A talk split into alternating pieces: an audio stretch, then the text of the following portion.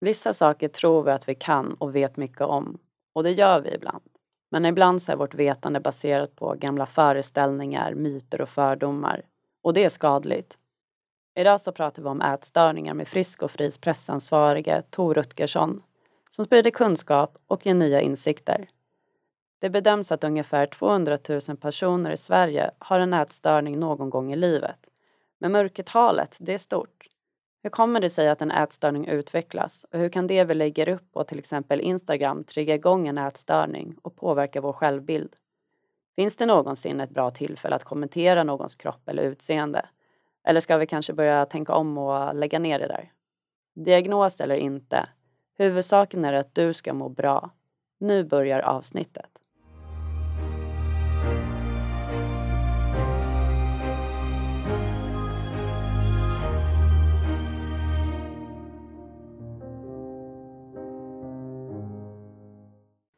Hej och välkommen till veckans avsnitt med mig Jonna Ekdahl, kommunikatör på Skyddsvärnet. Och hej och välkommen till dig Tore. Hallå hallå! Du är veckans gäst. Ja. Hur är det med dig? Jo men det är bra. Uh, kul att vara här. Vill du berätta lite grann eh, vem du är? Ja, jag är här för att jag är pressansvarig på Frisk och Fri, Riksföreningen mot ätstörningar då. Där jobbar jag på, eh, på deltid och utöver det, för den som är intresserad, så är jag frilansskribent och författare och håller på med lite olika kulturgrejer och så.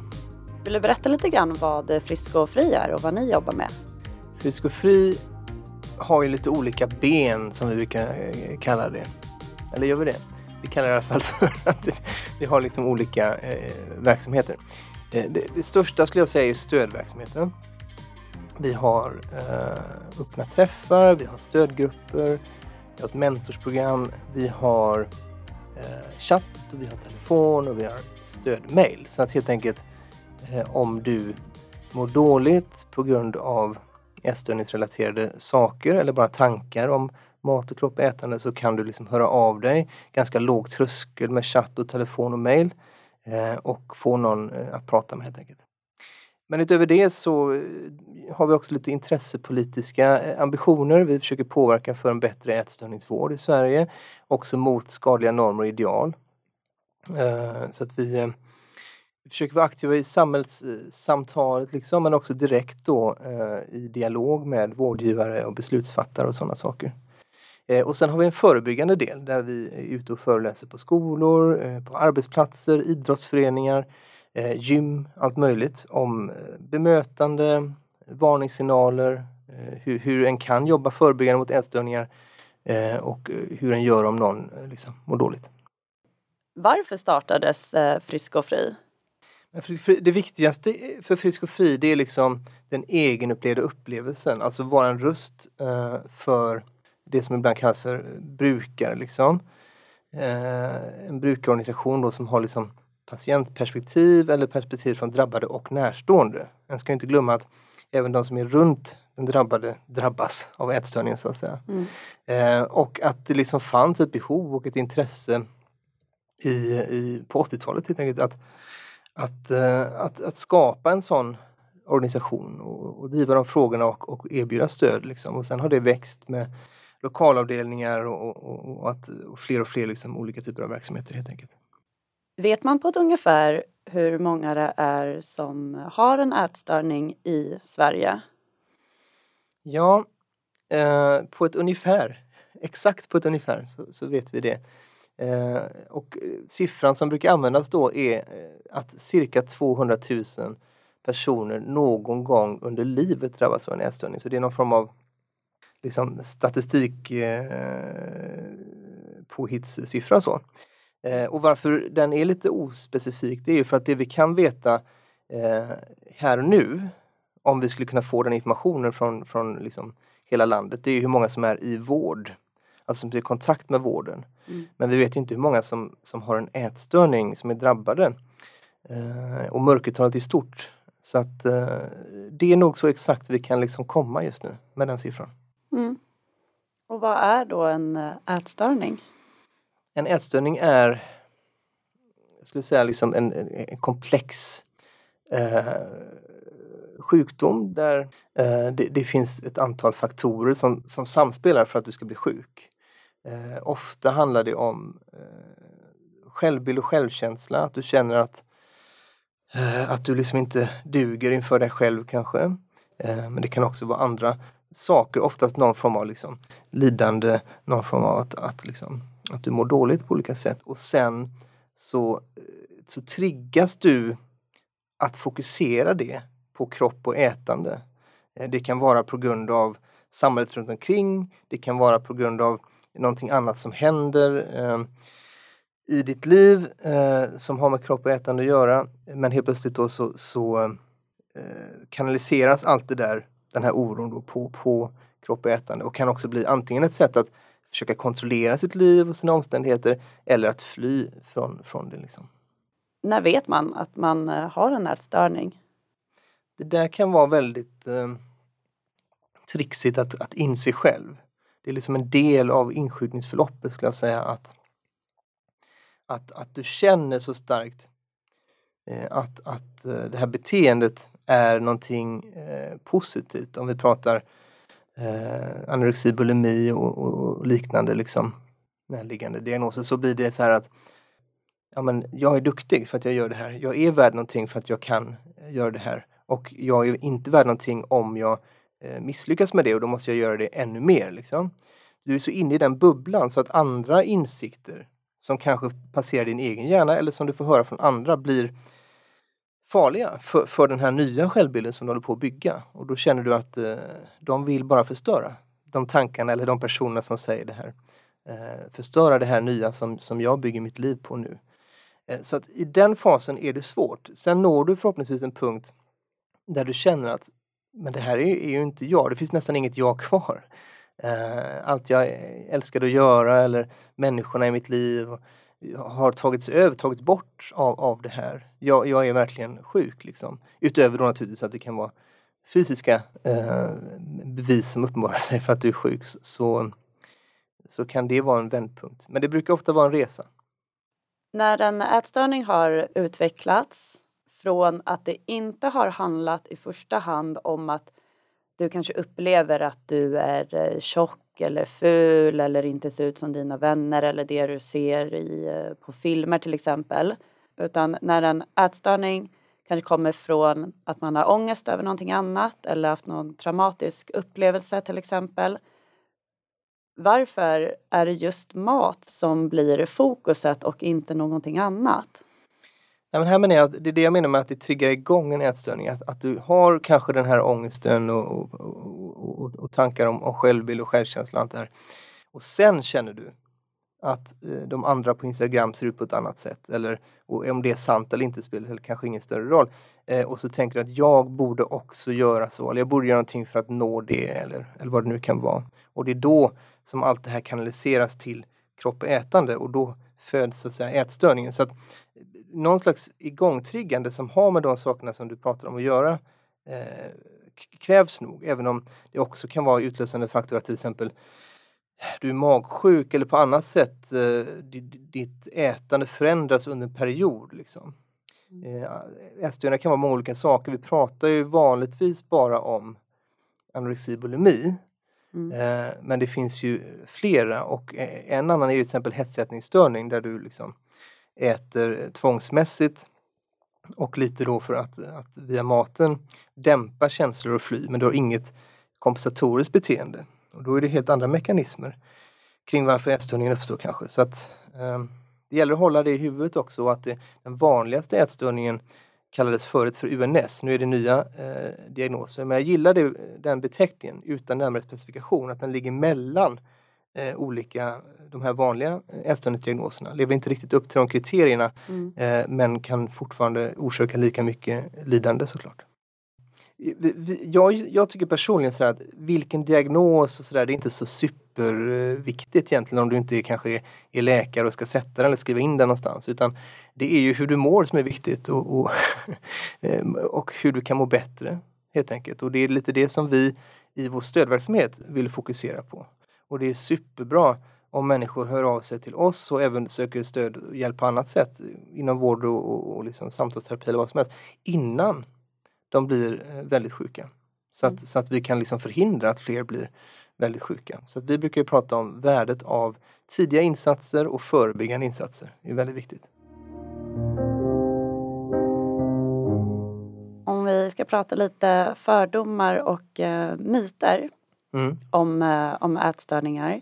Vilka är de mest vanliga och de mest skadliga fördomarna och myterna som ni stöter på? Jag skulle säga att den absolut farligaste det är att ätstörningar bara är en fas som du liksom går igenom i tonåren som drabbar främst eh, liksom unga tjejer. Det är helt enkelt inte sant. Inget i det påståendet är sant. Eh, ätstörningar är vår, vår kanske farligaste psykiska åkomma. Eh, jag vill inte liksom gå in på, på, på allt för negativ statistik men man måste ta den på allvar. Så är det. Det går att bli frisk och fri. Det är det positiva och, och, och det är därför Riksföreningen mot ätstörningar heter så. Mm. Eh, Det finns liksom goda möjligheter. Men man måste ta det på allvar. Eh, Och det kan drabba alla. Sen finns det liksom perioder i livet där det, där det finns en större risk eh, och, och åldersspann. Liksom. Och det är klart att då, då är ungdomen en sån och det beror mycket på att det händer eh, mycket i livet och mycket förändringar och mycket fokus också på kropp och, och på liksom, också på vem är jag och sådana saker. Men det kan också vara en flytt, en separation, eh, att någon går bort. Alltså, eh, de gångerna i livet där vi är liksom mer sköra, mer sårbara, det är liksom eh, tider kan vi säga.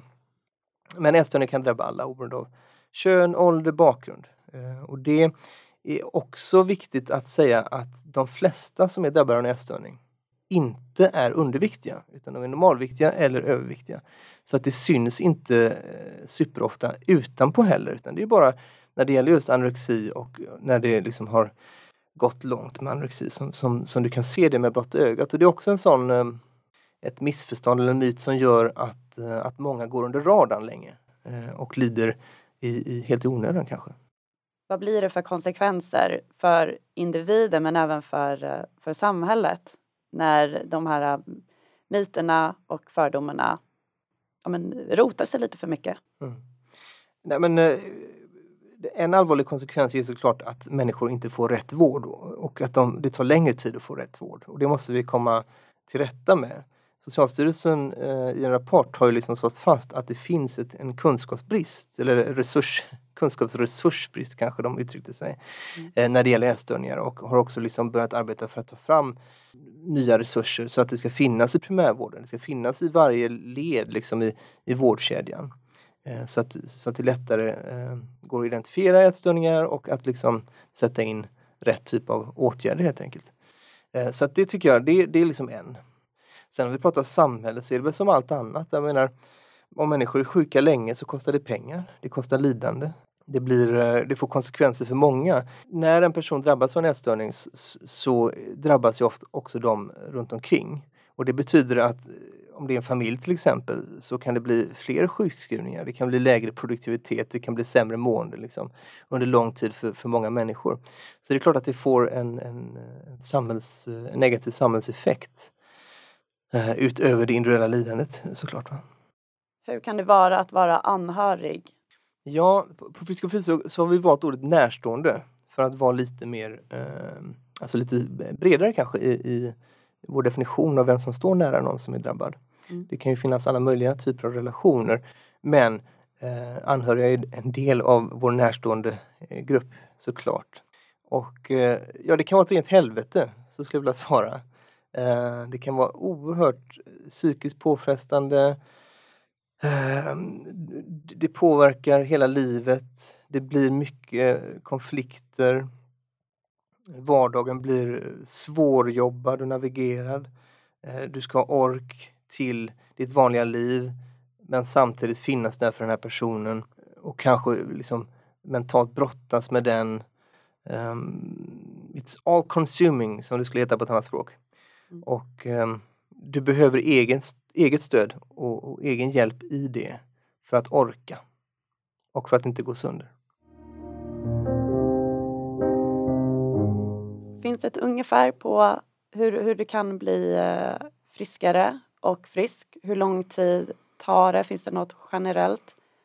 det, det, är svårt att uttrycka sig generellt. Eh, många eh, kan, liksom, kan bli friska relativt snabbt och, och vi brukar säga att eh, desto tidigare du får vård och hjälp, desto tidigare kan du bli frisk. Andra är sjuka länge, men kan också bli friska. Och sen finns det människor som inte blir friska. Och, och, det kan ju bero på en rad olika faktorer såklart, inte minst eh, vilken, vilken hjälp och stöd de har fått. Så att det viktigaste är att, att, eh, att det finns vård och hjälp att få. Men om vi ska prata lite mer Eh, personligt så tänker jag att eh, det måste komma en, en vändpunkt där du vill bli frisk. Och det är inte så lätt, det är inte bara att säga så här att eh, kom igen nu och säg att du vill bli frisk utan det liksom var apropå de här olika faserna i ätstörningen där du först tänker att det här är min nya självkänsla och eh, ingen får ta det här ifrån mig till att du liksom ser att jag, jag mår inte bra av det här. Och, den insikten ska då också komma med kraft att, att agera. Det kan ju också vara så att du rent fysiskt eh, har svårt liksom att, att ha energi till både tanke och handling. Men om du kommer till den vändpunkten, då börjar liksom jobbet med att vara frisk. Det, det, det, är inte så att du inser någonting och sen är det över utan då, då sitter allt det här i, i kropp och hjärna. Liksom.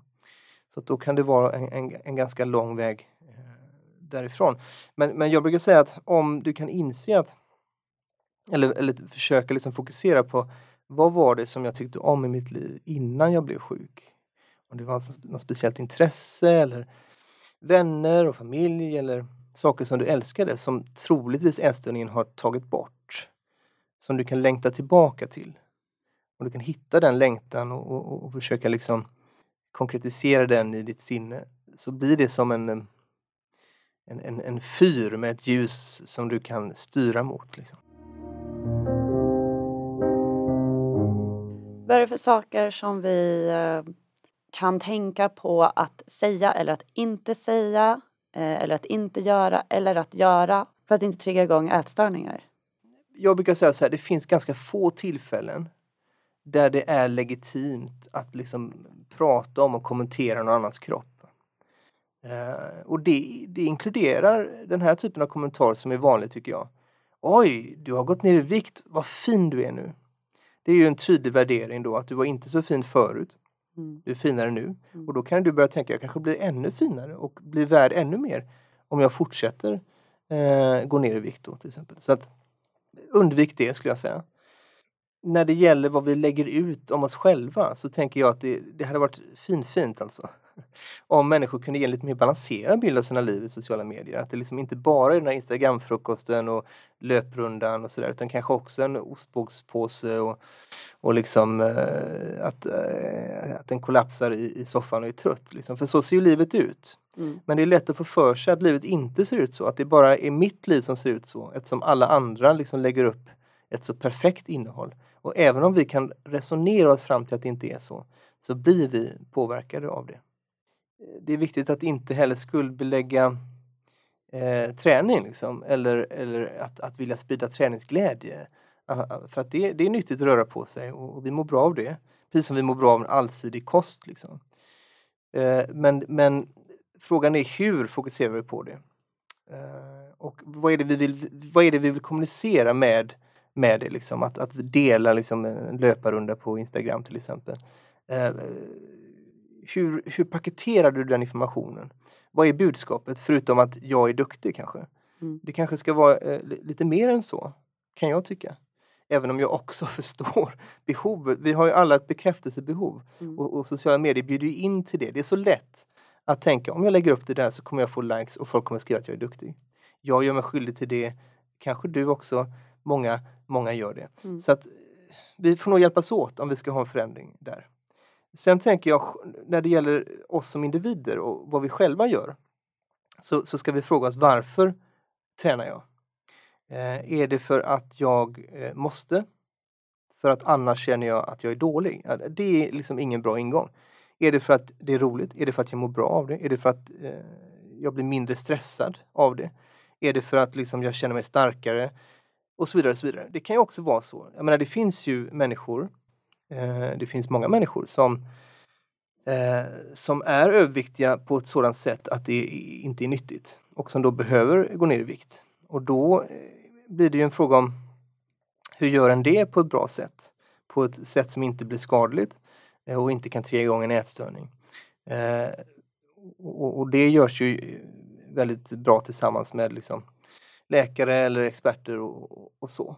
Men jag menar, vi ska inte heller förneka att det finns, liksom, det är inte så att det alltid är dåligt att gå ner i vikt va? heller. Utan de här sakerna är liksom inte svarta eller vita utan vi behöver använda förnuft. Och det, det, det är liksom inte en, en sanning för en människa är inte samma sanning för en annan. Och, och det, när vi antar det, att det är på ett visst sätt för alla. Mm. Eller att övervikt beror på samma sak för alla, eller vad det nu kan vara. Då är vi inne på det här med att skapa myter och nidbilder och det blir liksom inte bra. Äta väldigt mycket och sen och eh, gå upp hela tiden. Räknas det med som en ätstörning så som ni jobbar eller definieras det på något annorlunda sätt? Det beror lite på, eh, återigen, anledningarna och hur du mår. Eh, alltså, om eh, det vi kallar för, eller diagnosen som heter hetsätningsstörning, den, den, är ju i princip att, att du liksom äter okontrollerat och du har ett enormt sug efter att eh, göra det eh, och sen kompenserar du inte. Och, och, det betyder ju oftast att du går upp i vikt. Det mm. blir liksom konsekvensen av det eh, tillsammans med att det finns andra eh, faror som eh, diabetes och annat om det blir lång, långvarigt. Så att det är ju definitivt och väldigt tydligt en ätstörning. Men, men det är inte säkert att alla som lider av det förstår att det är en ätstörning. De kan tänka att det är eh, dålig karaktär och att det liksom är ett, ett, ett, ett beteende liksom för att eh, hantera andra saker, vilket det, det, det också är. Men, men det, det, finns i det processer som sätts igång, likt de andra diagnoserna, som gör att du hamnar i en liksom, fysisk loop kan vi säga som, eh, som är väldigt tydligt en ätstörning, en ätstörningsproblematik. Eh, där du behöver eh, hjälp specifikt med det. Så att absolut, det är definitivt en ätstörning. Men jag tror med ett stort mörkertal och med mycket skam det, det, även efter att du har blivit frisk så är det många som gärna pratar om att de har haft anorexi. Lite färre som pratar om att de har haft bulimi. Och, och nästan ingen som vill prata om att de har haft en hetsätningsstörning därför att det, det finns mycket skuld och skam kopplat till det fortfarande. Så att där, där är en problematik. Och sen finns det såklart eh, andra beteenden som, som eh, Alltså att vi alla i perioder liksom för att vi mår dåligt och så har beteenden som, som kanske på längre sikt är negativa. Där vi tröstar oss med om det kan vara liksom Eh, Eh, en viss typ av mat eller alkohol eller vad det nu kan vara. Eh, som också kan resultera i eh, att, att kroppen förändras men som inte nödvändigtvis är en ätstörning. Men som, kan vara, som, som inte är bra för oss på, på lång sikt för att det är liksom negativa livsmönster helt enkelt. också viktigt kanske att säga att ett mål med en ätstörning behöver inte alls vara, eller ett mål, Eh, alltså ätstörningens mål, eller hur jag ska uttrycka mig. Mm. Fixeringen eller fokuseringen behöver inte nödvändigtvis vara att du ska bli eh, väldigt mager. Utan det kan också vara till exempel att du ska bli större, alltså att du ska få mer muskler, att du ska vara på ett visst sätt. Det behöver inte vara att du ska äta så lite som möjligt. Det behöver inte vara eh, den här tvångsmässiga eh, ätningen. Det kan också vara att du ska äta så nyttigt som möjligt eller på ett visst sätt eller så kontrollerat som möjligt. När slutresultatet blir, oberoende av Eh, vad, vad av de här sakerna det, det, är att, att du mår dåligt, att du begränsar ditt liv, eh, att, att det blir ett ökat lidande så har du eh, antingen en ätstörning eller eh, ätrelaterad problematik helt enkelt. Så att det kan vara många olika saker. Egentligen spelar det ingen roll om det är en ätstörning eller inte. Det som spelar roll är hur mår du och hur ska vi göra för att du ska må bättre. Vilka förändringar ser ni behövs för att förhindra um, att folk drabbas av ätstörningar eller också för att uh, vården ska, ska bli bättre? Ja, det behövs en hel del saker. När det gäller vården så har vi tagit fram nio krav för en bättre ätstörningsvård som, som är liksom just nu vår kan man säga, intressepolitiska utgångspunkt. Där mycket handlar om att det ska finnas eh, möjlighet att få likvärdig vård över landet. Just nu så, så är det lite så här eh, avgörande var du bor, vilka behandlingsmetoder som finns, hur långa kötiderna är. Um, och um, det blir lite som ett lotteri.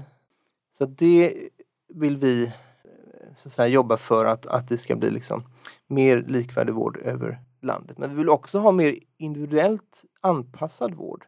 Det vill säga att eh, personen eh, tas i beaktning och samsjuklighet tas i beaktning. Eh, det är ju vanligt med samsjuklighet, exempelvis med NPF-diagnoser och så. Eh, och att, att det blir en helhetsbild av personen och personens situation. Eh, så att det är lite sådana saker vi driver. Att den närstående ska få stöd och hjälp, att det ska vara en naturlig och självklar och direkt del också i, i, i vården. Eh, sen är det såklart så att är du myndig så väljer du hur mycket andra är med. Men, men att, eh, att det är ehm, att det finns liksom en struktur för det överallt. Eh, så det, det är mycket sådana eh, grejer när det gäller vården som vi försöker prata om och prata med vårdgivare och beslutsfattare om. Liksom. Mm. Sen för att, för att vi ska lyckas få till en värld utan ätstörningar generellt så, så, behövs också lite andra normer och ideal i samhället. Vi, vi, brukar säga att vi lever i en ätstörd värld, alltså att vi har ganska komplicerad eh, kollektiv relation till kropp och till ätande. Eh, och att vi eh, nu med sociala medier också och sådär så, så är det mycket vi möts mycket av idealbilder och eh, projiceringar på något sätt va, av hur vi vill vara eller hur vi tror att vi vill vara i alla fall. Som påverkar oss. Det har alltid varit såklart eh, så att vi påverkas av varandra och av olika ideal. Men nu är frågan om när överhuvudtaget någon gång på dygnet vi kan stänga av det där. Det följer oss liksom hela tiden. Så att vi måste jobba med, med, eh, med detta och mot skadliga normer och ideal på olika sätt. Jag har tänkt att vi strax ska börja runda av. Men om, eh, om man misstänker att en person i ens närhet har en ätstörning eller osunt förhållande till, till mat. Hur gör man på bäst sätt för att ta upp det och, och hjälpa den här personen?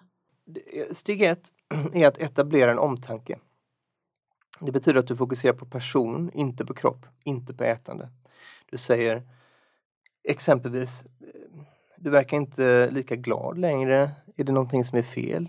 Jag har märkt att du drar dig undan. Eh, är det något jag kan göra? Eh, hur mår du? Jag bryr mig om dig. Jag ser dig och jag bryr mig om dig.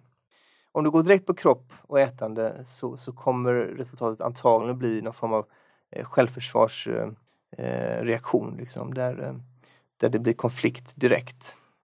Den här personen ser det här nya beteendet som sin, sitt värde och, sin väg framåt just där i sjukdomen antagligen. Så du behöver eh, etablera att du bryr dig om personen oberoende av eh, hur personen äter eller hur kroppen ser ut. I senare steg så kommer det att bli konflikt om du ska vara med och, och där behöver du fundera, kan jag vara ett stöd för den här personen under en lång tid? Orkar jag det? Eller ska jag förmedla vidare? Det beror ju på vilken typ av relation du har. Ibland har du inget val såklart. Eh, men om du är en kompis till exempel. Eh, kan jag vara där? För att om jag vill ta de konflikterna och bygga upp ett förtroende så behöver jag också klara av att, att vara där över tid för, för den här personen. Liksom. Eh, och såklart förmedla eh, alltid, oavsett, till vård och till alla andra stödinsatser. Ingen orkar själv och det är viktigt att komma i kontakt med, med vården. Men om man ser då till exempel en, eh, kanske en kollega som man inte har en jättenära relation med men man är kollegor och vänner på jobbet. Men eh, jag kanske då inte kommer kunna vara där hela vägen. Eller man vet om det att nej, men jag, jag kommer inte vara den personen men jag ser att den här personen behöver hjälp. Är det bättre, hur, hur ska man göra i det här läget när man eh, är ändå nära på ett sätt men samtidigt inte alls? Nej, men det där första steget att etablera eh, omtanke det, det, tycker jag att alla kan göra. Och liksom eh, uppmärksamma att jag ser att du, du, är, du mår på ett annat sätt. Du, du mår kanske inte så bra. Är det något du behöver, vad kan jag göra? Eh, och sen eh, fundera över vad, vad, blir nästa steg liksom, och, och, vad kan jag, vilken roll kan jag ha i det? Och det kan ju vara så att din roll är att se till att den här personen söker någon annan form av stöd. Eh, så att eh, det, det, är liksom en individuell fundering, ett avgörande som, som, som man måste göra. Men det är klart att det är bättre att, att göra någonting än ingenting. Mm. Det, det, vill jag ha sagt. Tack. Då har jag en sista fråga som vi brukar ställa till alla våra gäster. Och det är om du kan berätta något roligt eller lite oväntat om dig själv. Om mig själv, ja. Men där kanske jag skulle... Det var den frågan du skulle fått i förväg. Ja, precis. Jag vet jag, jag tror att du kan inte gissa vilken min absoluta favorit-tv-serie genom tiderna är. Oh, eh, våra värsta år. nej, nej, det hade varit otippat även för mig själv. Men, men det är faktiskt ER, Cityakuten, alla eh, 15 säsonger. Jag har dem på DVD. Oj! Mm. Ja, men det var grejer det. Det var oväntat va? Ja. Kollar du så att du kollar fortfarande på det? Nu var det några år sedan. Ja. Men jag har nog sett alla säsonger åtminstone fyra, fem gånger. Ja. Det är där jag har lärt mig allt jag kan. Ja, ja men Ja, men då vill jag bara säga tack så jättemycket för att du har kommit hit och spridit så himla mycket kunskap och det är så bra att lyfta det här ämnet och att spräcka lite fördomar och myter också. Tack för att jag fick komma. Tack. Och om du som lyssnar har tips på ett ämne eller en gäst som du vill att vi ska ta med i podden, skriv då till nyheter. Tack för att du har lyssnat. Bye.